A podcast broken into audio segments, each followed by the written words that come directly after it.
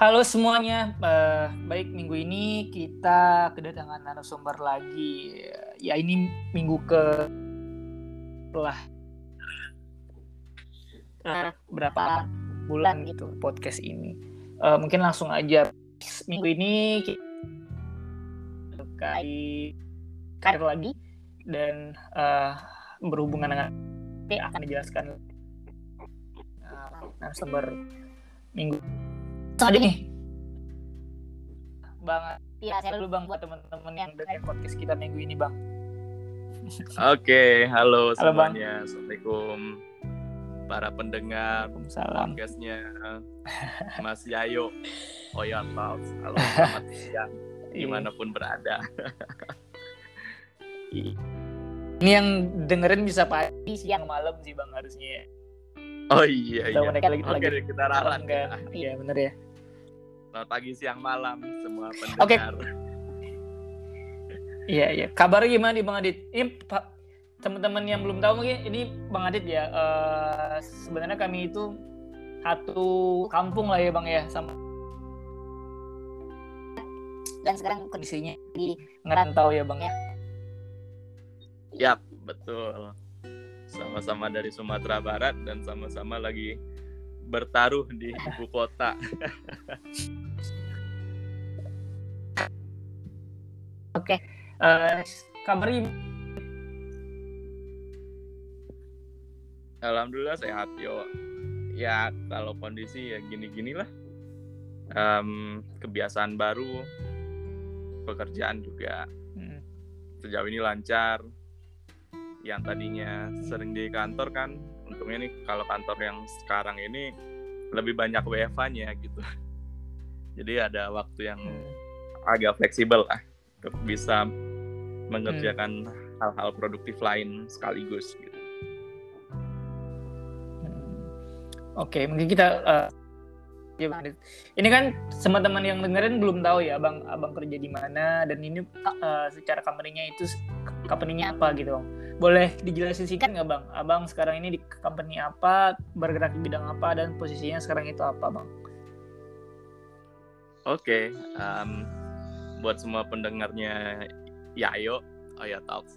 Salam kenal, um, nama saya Aditya Rustianda, biasa dipanggil Adit tadi kalau pertanyaannya dibilang uh, saya sekarang lagi di mana uh, saya itu kerja sekarang di perusahaan IT solution hmm. perusahaan IT bisa disebutnya kalau umumnya bisa disebutnya perusahaan IT lokasinya di hmm. kantornya sendiri di Kuningan jadi hmm. perusahaan saya ini menyediakan pokoknya solusi lah buat di bidang IT mulai dari pembuatan program aplikasi hmm. penyediaan uh, tenaga outsource buat di bidang IT hmm.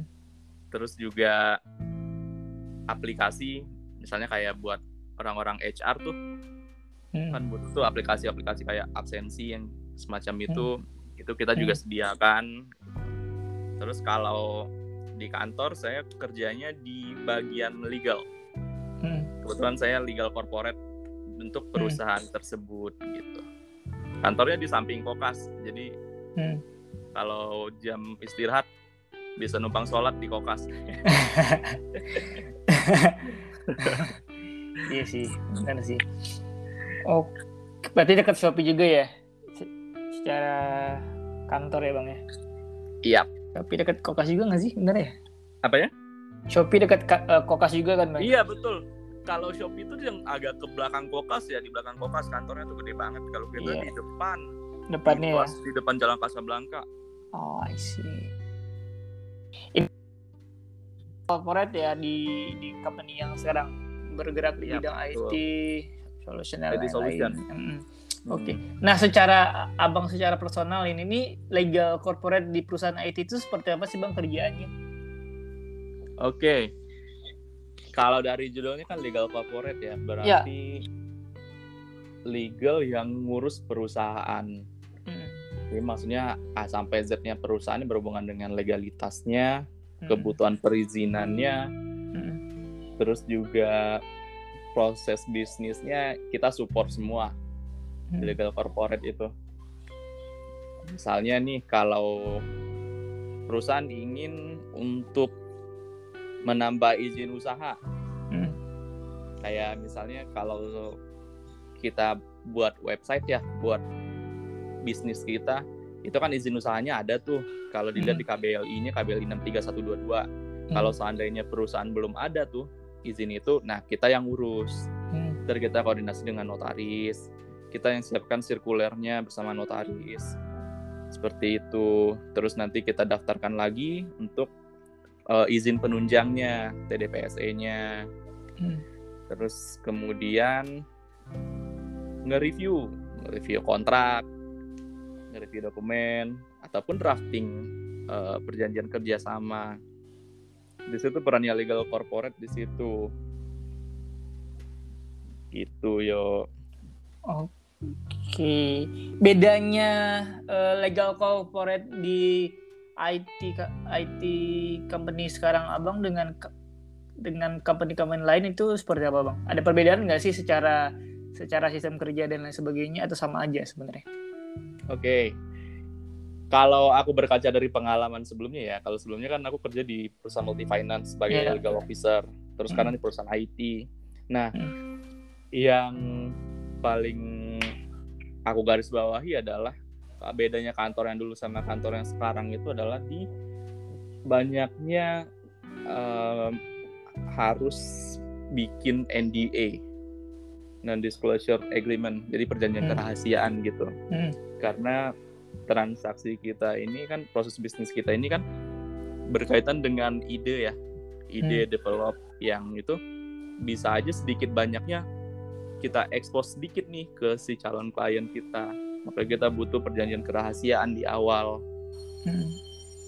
nah begitu juga dengan eh, pihak-pihak mau kerja sama-sama kita pasti ada NDA-nya dulu gitu. Terkait eh, kita saling bertukar informasi gitu dan ngejaga kerahasiaan masing-masing. Informasi yang udah kita terima.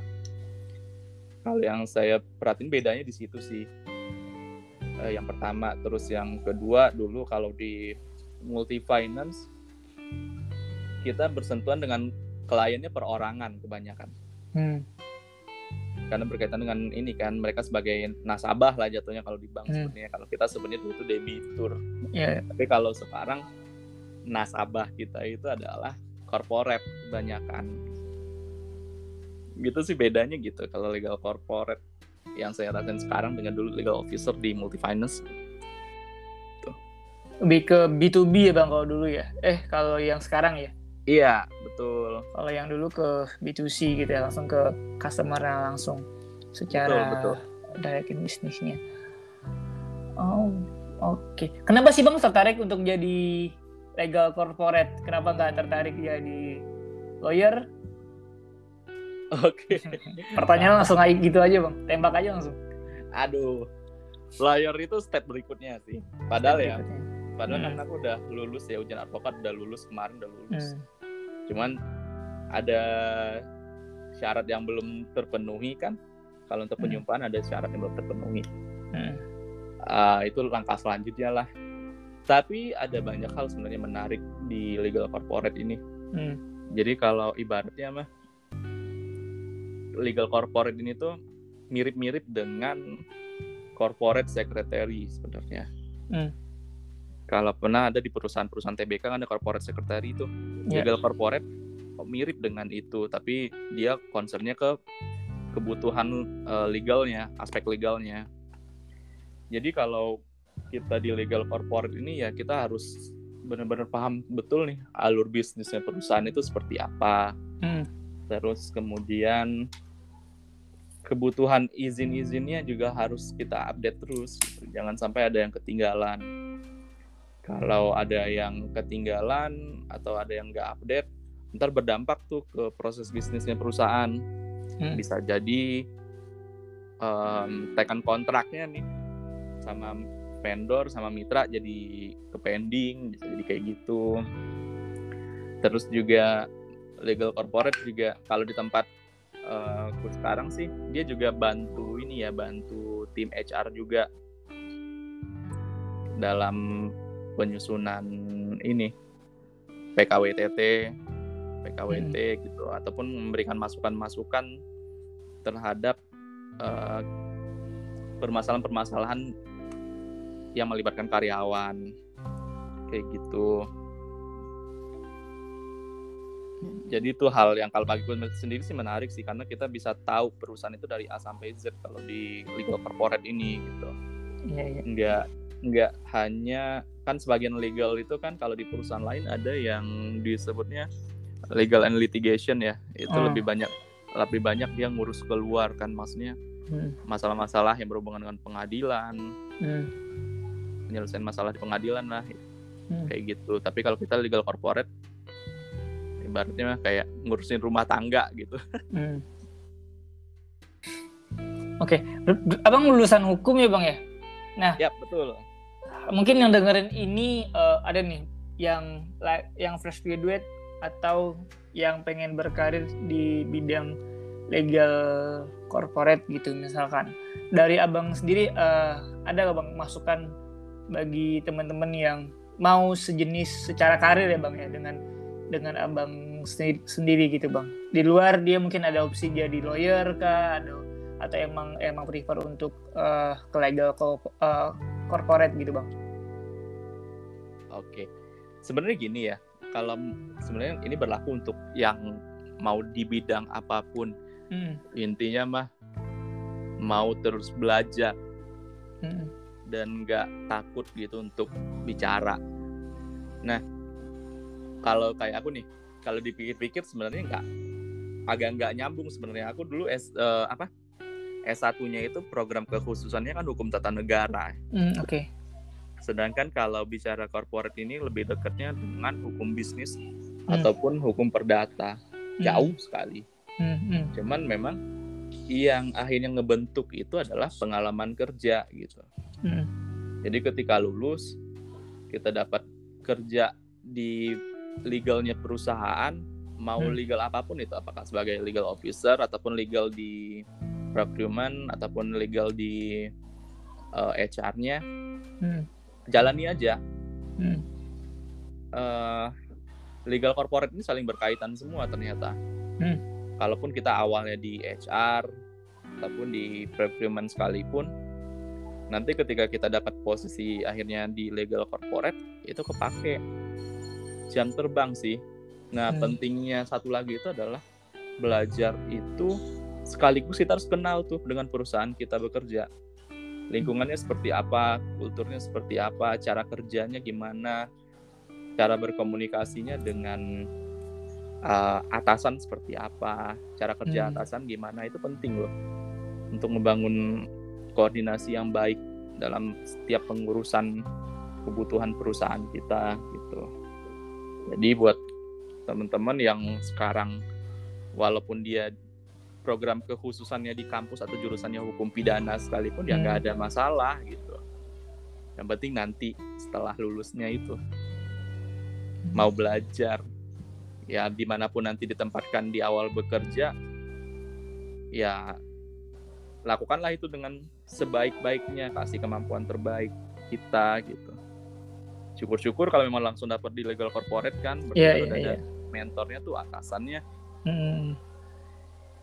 Lagi tapi kalau enggak ya itu juga nggak apa-apa Berarti kalau untuk untuk memulai gitu, misalkan mulainya itu dari mana dulu bang? Kalau secara baiknya, kan banyak tuh tadi tuh eh, legal officer, terus eh, procurement dan lain-lain. Tapi kalau misalkan emang idealnya harus memulai start awalnya dari mana bang? Oke, eh, ada beberapa apa ya kita sebutnya ya? Ada beberapa kemampuan kali atau skill yang harus kita miliki nih, yang harus kita siapin dari awal banget nih kalau menurutku. Hmm. Baik sebagai legal officer ataupun legal corporate nih ya. Hmm. Eh, yang pertama nih, saya aku harap sih nih teman-teman tuh harus paham caranya ngedrafting. Hmm. Legal drafting, cara membuat perjanjian yang baik dan benar itu seperti apa, itu harus Hmm. paham. Terus kemudian setelah paham eh, draftingnya, berarti harus paham juga cara reviewnya. Hmm. Kalau nge-review draft itu yang nge-review draft perjanjian itu kan kita harus lihat apakah em, pasalnya itu berbentrokan dengan pasal yang lainnya di dalam uh, draft perjanjian yang sama apa enggak. Hmm. Kemudian kalau seandainya tidak bentrok, baru kita masuk selanjutnya ke peraturan yang terkait gitu. Misalnya kalau perjanjiannya tentang transaksi elektronik misalnya, maksudnya kita jualan online, ada nggak pasal-pasal yang bertentangan dengan peraturan perundang-undangan terkait dengan ITE? Nah itu harus diperhatiin juga gitu sehingga perjanjian yang kita buat hasil drafting kita itu dalam tanda kutip aman gitu untuk disepakati para pihak. Hmm. Terus yang kedua kemampuan untuk menerjemahkan dan memahami uh, proses bisnis, proses yang disepakat hal yang disepakati oleh pihak kita maupun pihak mitra gitu sehingga nanti ketika kita terjemahkan ke dalam bentuk dokumen perjanjian kerjasama kedua belah pihak tuh sama-sama ngerti tuh isi hmm. pasal per pasalnya itu hmm. nah kadang di sini nih uh, kita bisa bentrok sama internal kadang-kadang hmm.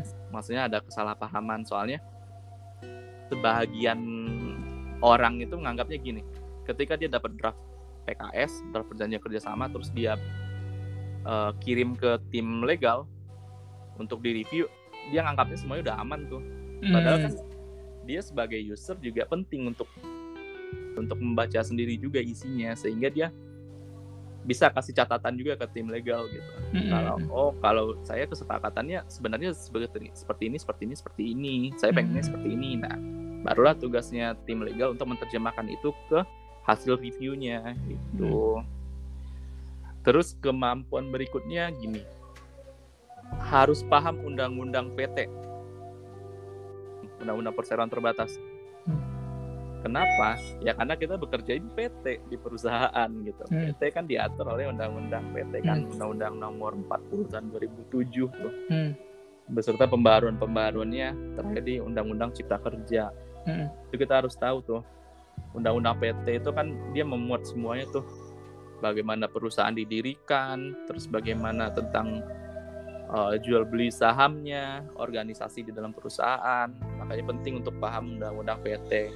Hmm. Bukannya harus hafal ya, tapi harus paham. Hmm. Terus kemudian yang nggak kalah pentingnya adalah kemampuan bahasa Inggris. Hmm. Kalau menurutku nih ya, walaupun kita speakingnya masih terbata-bata, tapi writing dan readingnya harus bagus.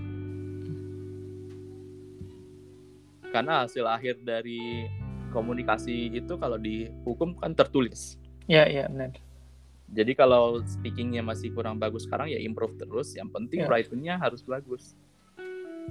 Dan harus diingat juga bahasa Inggris biasa dan bahasa Inggris hukum itu ada perbedaan. Hmm.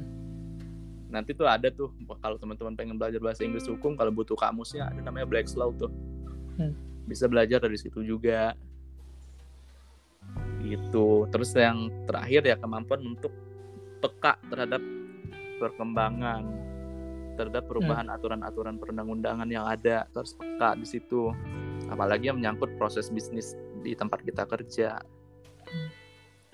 jangan sampai kita masih berpatokan ke aturan-aturan yang lama tuh yang ya, cabut ada dihapus. Nggak nggak relevan lagi dong kalau ya, kita ya, sekarang. Gitu sih.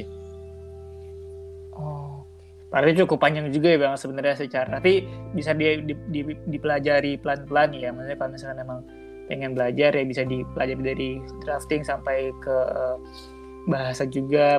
Apalagi kan secara bahasa juga beda ya bahasa Inggris yang abang yang abang bilang pun juga beda secara kita uh, ngobrol di publik sama ngobrol di bahasa hukum kan pasti ada perbedaannya bang. Ya. Tadi di ada kamusnya juga ya bang ya. Betul. Oh. Ada perbedaannya. Perbedaannya juga gitu. Uh -uh. Oke, okay. next nih. Oke, okay. uh, eh, apa namanya? Ini ada hal yang belum uh, aku tanya nggak bang ke bang Adi sendiri, tapi abang mau sampaikan ke teman-teman yang lagi dengerin podcast ini bang, di mana pun mereka uh, dengerin gitu bang. Oke, okay. apa ya? Kalau kita gini sih sebenarnya bicara tentang dunia legal ya legal Hmm. di perusahaan mau di perusahaan apa pun itu penting untuk kita untuk bisa beradaptasi dengan cepat gitu Hmm. dengan situasi yang ada terus juga harus peka melihat dan ada kalanya kita harus fight dengan manajemen kita Hmm.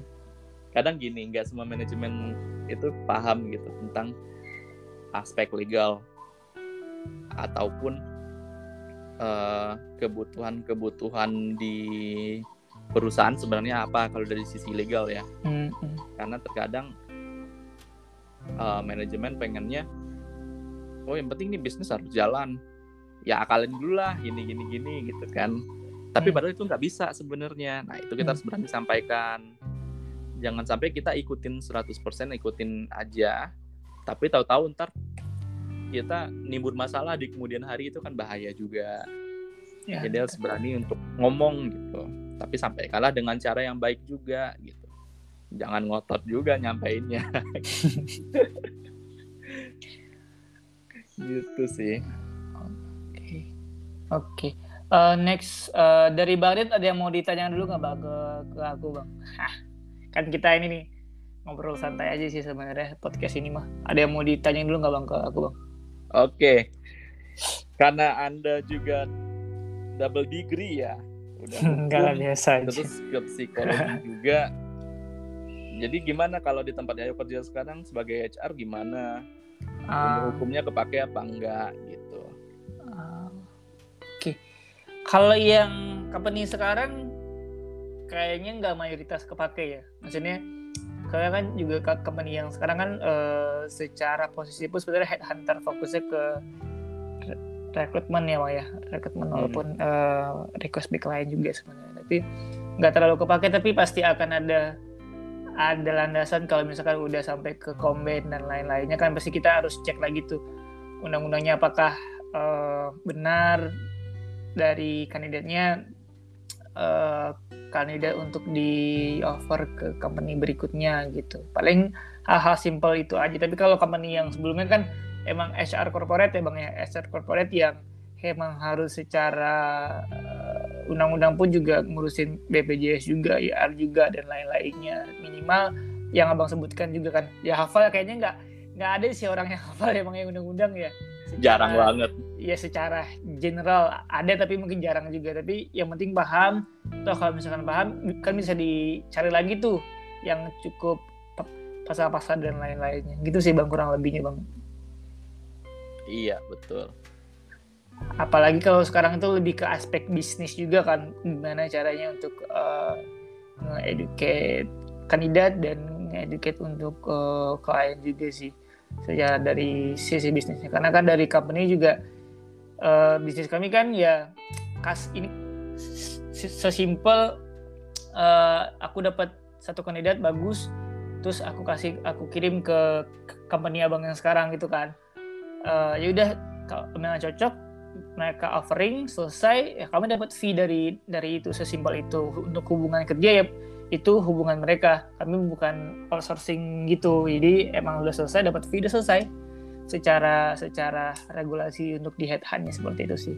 Jadi nggak terlalu kalau misalkan company-nya outsource pasti akan ada berpa, ber, apa, beracu juga dengan undang-undang ya bang ya. Hmm. ada uang kompensasi dan lain-lainnya. Tapi kalau untuk ini sih nggak terlalu bias lah untuk untuk di le- legal ataupun dia dihukumnya lah kurang lebih gitu bang. Oh iya, tadi ngomong-ngomong undang-undang ya, aku jadi inget gini. Em, penting juga bagi kita untuk ngelihat suatu undang-undang itu beserta turunan-turunannya gitu. Hmm. Jadi jangan sampai kita top di undang-undang, Hmm. tapi kita nggak ngelihat tuh aturan teknisnya atau aturan pelaksananya. Hmm. Biasanya kan itu eh, berkaitan semua ya, misalnya Hmm. eh, undang undang-undang tentang transaksi elektronik, Hmm. misalnya gitu. Ntar kita lihat tuh turunannya tuh sampai ke peraturan menterinya. Hmm. Hmm. peraturan menteri Menkominfo misalnya itu berkaitan semua tuh jadi eh, kan kita bingung ya kalau kita lihat undang-undang kan itu bicaranya umum aja tuh tapi kita nggak tahu nih prosesnya prosedurnya gimana nah prosedur itu biasanya ada di peraturan menteri Hmm. atau malah di turunannya peraturan menteri lagi itu tuh harus Iya. diperhatikan di situ jadi kita tahu sih jawabannya jadi sebenarnya secara umum ada semua kok jawabannya solusinya gitu setiap em, apa kebutuhan hukum kita itu kebutuhan Hmm. terhadap aspek legalitas perusahaan kita tuh ada kok Hmm. cuman memang kadang uh, kita lupa untuk menelusuri sampai ke lebih rinci. Atau atau memang kitanya yang kurang update gitu aja Hmm. sih. Iya benar. jadi jadi jangan jadi misal kita nggak tahu terus kita salahin pemerintah lah. Sosialisasi ke kita. Loh nggak gitu juga. Sosialisasi undang-undang itu susah loh. Iya pasti. gitu sih harus diingat itu jadi kalau membaca undang-undang jangan sampai hanya di berhenti di undang-undangnya aja tapi lihat ke bawahnya Iya. juga. Kadang di undang-undangnya multi eh, multi tafsir tapi kan makanya perlu bawa-bawa juga bang biar lebih jelas juga ya bang ya. iya betul Mm-mm. Yes, yes, yes. apalagi kalau udah nyampe peraturan menteri tuh kadang ada lampirannya tuh penting tuh lihat lampirannya juga tuh benar-benar. Oke. Eh, ada yang mau ditanyakan lagi bang? Asik. Oh, oke. Nih jadi aku yang ambil alih acara ya? Iya, apalah santai. oke Bung Yayo. Menurut Yayo sendiri kita bicara produk hukum ya. PKWTT kan itu produk hukum dan itu dekat kan ya? PKWT PKWTT kan dekat tuh dengan Yayo tuh. Produk hukum juga. Menurut Yayo nih komposisi dari perjanjian kerja yang ideal itu mencakup apa aja sih? Ideal dalam hal? iya maksudnya ter- jadi eh, secara hak dan kewajiban itu kedua belah pihak eh, baik pekerja atau pemberi kerja itu gitu. Jadi komposisinya apa apa aja kalau menurut Yayo nih? Secara komposisi ya eh, hal-hal umum yang eh, emang diatur di undang-undang itu hal, hal pertama minimal itu secara salary sesuai dengan UMR. Hmm, UMR itu kan secara secara risetnya kan eh, misalkan di UMR Ja- Jakarta sekian gitu ya Bang ya. Berarti kan eh, angka segitu cukup untuk hidup di Jakarta. Di luar ini manusia eh, hedon dan lain sebagainya ya itu itu gaya hidup ya. orang lah ya. Gaya hidup lah. Itu hal pertama yang eh ya ya harap ya walaupun implementasinya ya you know nggak semua company UMR ya gitulah. Tapi mi- minimal itu di UMR dulu. Setelah itu eh haknya di kesehatan BPJS ya BPJS TK BPJS eh, kesehatan yang umum aja. Terus juga eh, terus asuransi swasta kalau misalkan emang eh, dari company-nya provide untuk hal tersebut sih bang.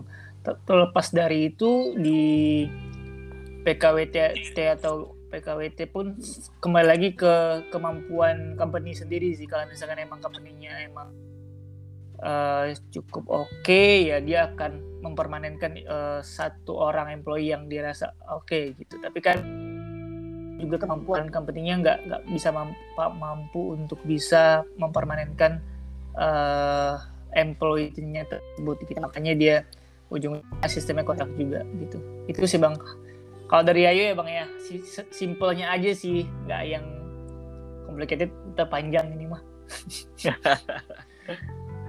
Oke. Menarik sih ya kalau kita bicara aspek hukumnya em, ketenaga kerjaan itu tuh bisa jadi sebagian dari kita tutup mata ya hmm. karena ada mungkin juga secara aturannya ada yang belum bisa kita penuhi sampai ini kita tutup mata juga Hmm. atau malah ada yang sebagian lagi yang mengcover seutuhnya semuanya gitu. Tadi bicara BPJS, Hmm. Kan ada juga ya kadang BPJS kesehatan dikasih BPJS eh, ketenagakerjaannya enggak kan ada juga kasus kayak Iya, gitu. iya banyak bang. Kalau disampaikan Itu. semua di sini ntar kita malah lagi korporat kan Iya. enak gitu bang. itu malas iya Bang. kayak gitu yang itulah itu itu yang simpelnya aja ya bang iya Yang maksudnya gitu simpelnya. jadi teman-teman di HR maupun kita di legal kan kita harus bisa mengingatkan itu kepada perusahaan tuh Hmm, agar terpenuhi hak-hak uh, rekan-rekan kita ya. Sebagaimana diamankan oleh undang-undang ketenaga Iya. kerjaan dan undang-undang cipta kerja juga. Gitu sih. Terus kalau iya kalau di legal ya balik lagi.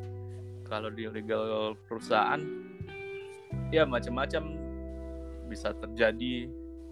Karena juga ngikutin kan aturan dari pemerintahnya seperti apa. Hmm, cuman kadang apa namanya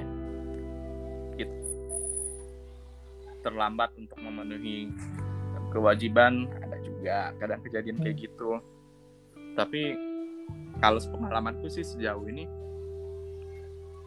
eh dari segi ini ya dari segi prosedur pros- pengajuan prosedur eh pengajuan prosedur pengajuan perizinan semuanya lebih enak lah ya daripada tahun-tahun sebelumnya gitu. Kayak OSS kita bisa konsultasi online sekarang kan, hmm. kan lebih enak kayak gitu, nggak by phone aja. Jadi kita lebih leluasa juga untuk eh, koordinasinya atau konsultasinya. OJK pun gitu, lebih enak lah sekarang. Mudah-mudahan semakin inilah ya, yang seperti ini ditingkatkan gitu. Jadi ini sangat eh, membantu kita gitu yang di corporate. Benar sekali. Jangan sampai saya kepancing saya ngomongin yang lain-lain. Nggak aman masalahnya bang kalau saya ngomongin yang lain-lain. Ya benar bang. Ya minimal ada BPJS lah ya bang ya. Ada Iya. terus juga secara uh, salary-nya sesuai dengan kalau di Jakarta ya se- sesuai yang di Jakarta yang di mana teman-teman yang di di Padang sesuai di Padang itu gitu sih. Minimal kan bukan bukan maksimal minimal ya Atau gitu sih. mungkin buat yang teman-teman di Jogja mungkin Ah. UMR-nya se-Jakarta gitu kan. Kan lebih I- enak lagi ya. Iya bener sih lebih enak lagi kan itu kalau naik mah orang mau mau aja sih bang ya kalau lebih mah mau lah ya nah PR kan kalau kurang nih bang Kalau mah, kurang kalau kurang berarti ya cari sampingan lah. iya banyak-banyak sedekah gitu ya. Wih, bener iya sih bener sih banyakin sedekah banyakin berdoa terus kalau misalkan ada side job siapa tahu ada side job ngapain? Ambil aja lah sikat gitu. Yang penting halal ya bang ya. Iya. tawaran-tawaran dari mana pun. Eh itu menarik tuh bahas side job tuh next. Kalau podcast ya ayo berikutnya tuh. siap siap siap. Boleh boleh. Oke. Eh, oke. Aku lanjut aja nih bang. Mungkin eh, mungkin nih, pertanyaan selanjutnya lebih personal ke bang Adit sendiri nih bang. Misalkan nih bang abang dengerin podcast ini lagi ya dengerin podcast ini lagi 10 tahun ke depan gitu apa sih bang yang abang mau sampaikan ke Aditya Restianda di 10 tahun ke depan Oh, kalau apa ya? Kalau misalnya aku dengar lagi nih 10 tahun lagi nih yang ya pertama ini jadi apa ya salah satu media untuk refleksi diri juga ya. Apa Hmm. sih 10 tahun yang lalu pernah aku ucapkan terhadap apa yang aku ucapkan sampai dengan saat ini, saat itu Hmm. gitu kan. Hmm. Terus juga apa sih hal-hal yang udah dilalui ada berapa step lagi sih yang udah dilewati Hmm. kayak misalnya tadi tuh yang aku bilang kalau penga- jadi pengacara itu ntar langkah selanjutnya kan Hmm. apakah itu aku, udah aku capai apa belum nanti tuh ketika Hmm. 10 tahun lagi tuh pas dengar podcast ini Hmm. tapi sih yang penting lagi adalah podcast ini jadi media untuk berbagi aja untuk Ya, berbagi benar. apa untuk berbagi benar teman-teman pendengar semua gitu benar karena kan ya juga ya yuk udah banyak interview teman-temannya juga kan Hmm. dari ber- berbagai macam latar belak- belakang dan Hmm. itu kan jadi insight sendiri bagi teman-teman yang mendengarkan gitu Hmm. kita nggak tahu seberapa besar impact uh, percakapan kita itu terhadap orang lain tapi semoga aja uh, orang-orang yang mendengarkan ini ada hal baik yang bisa diambil gitu dari podcast ini amin gitu amin Oke, next ini tahap podcast ini sih Bang biasanya closing statement dari uh, Bang Adit. Boleh Bang closing statement buat menutup podcast ini di akhir teman-teman yang masih dengerin podcast ini sampai akhir Bang. Oke, baik.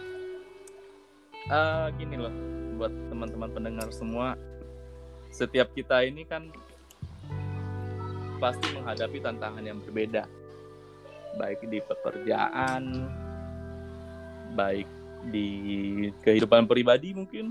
Hmm. Setiap kita tuh punya tantangannya sendiri.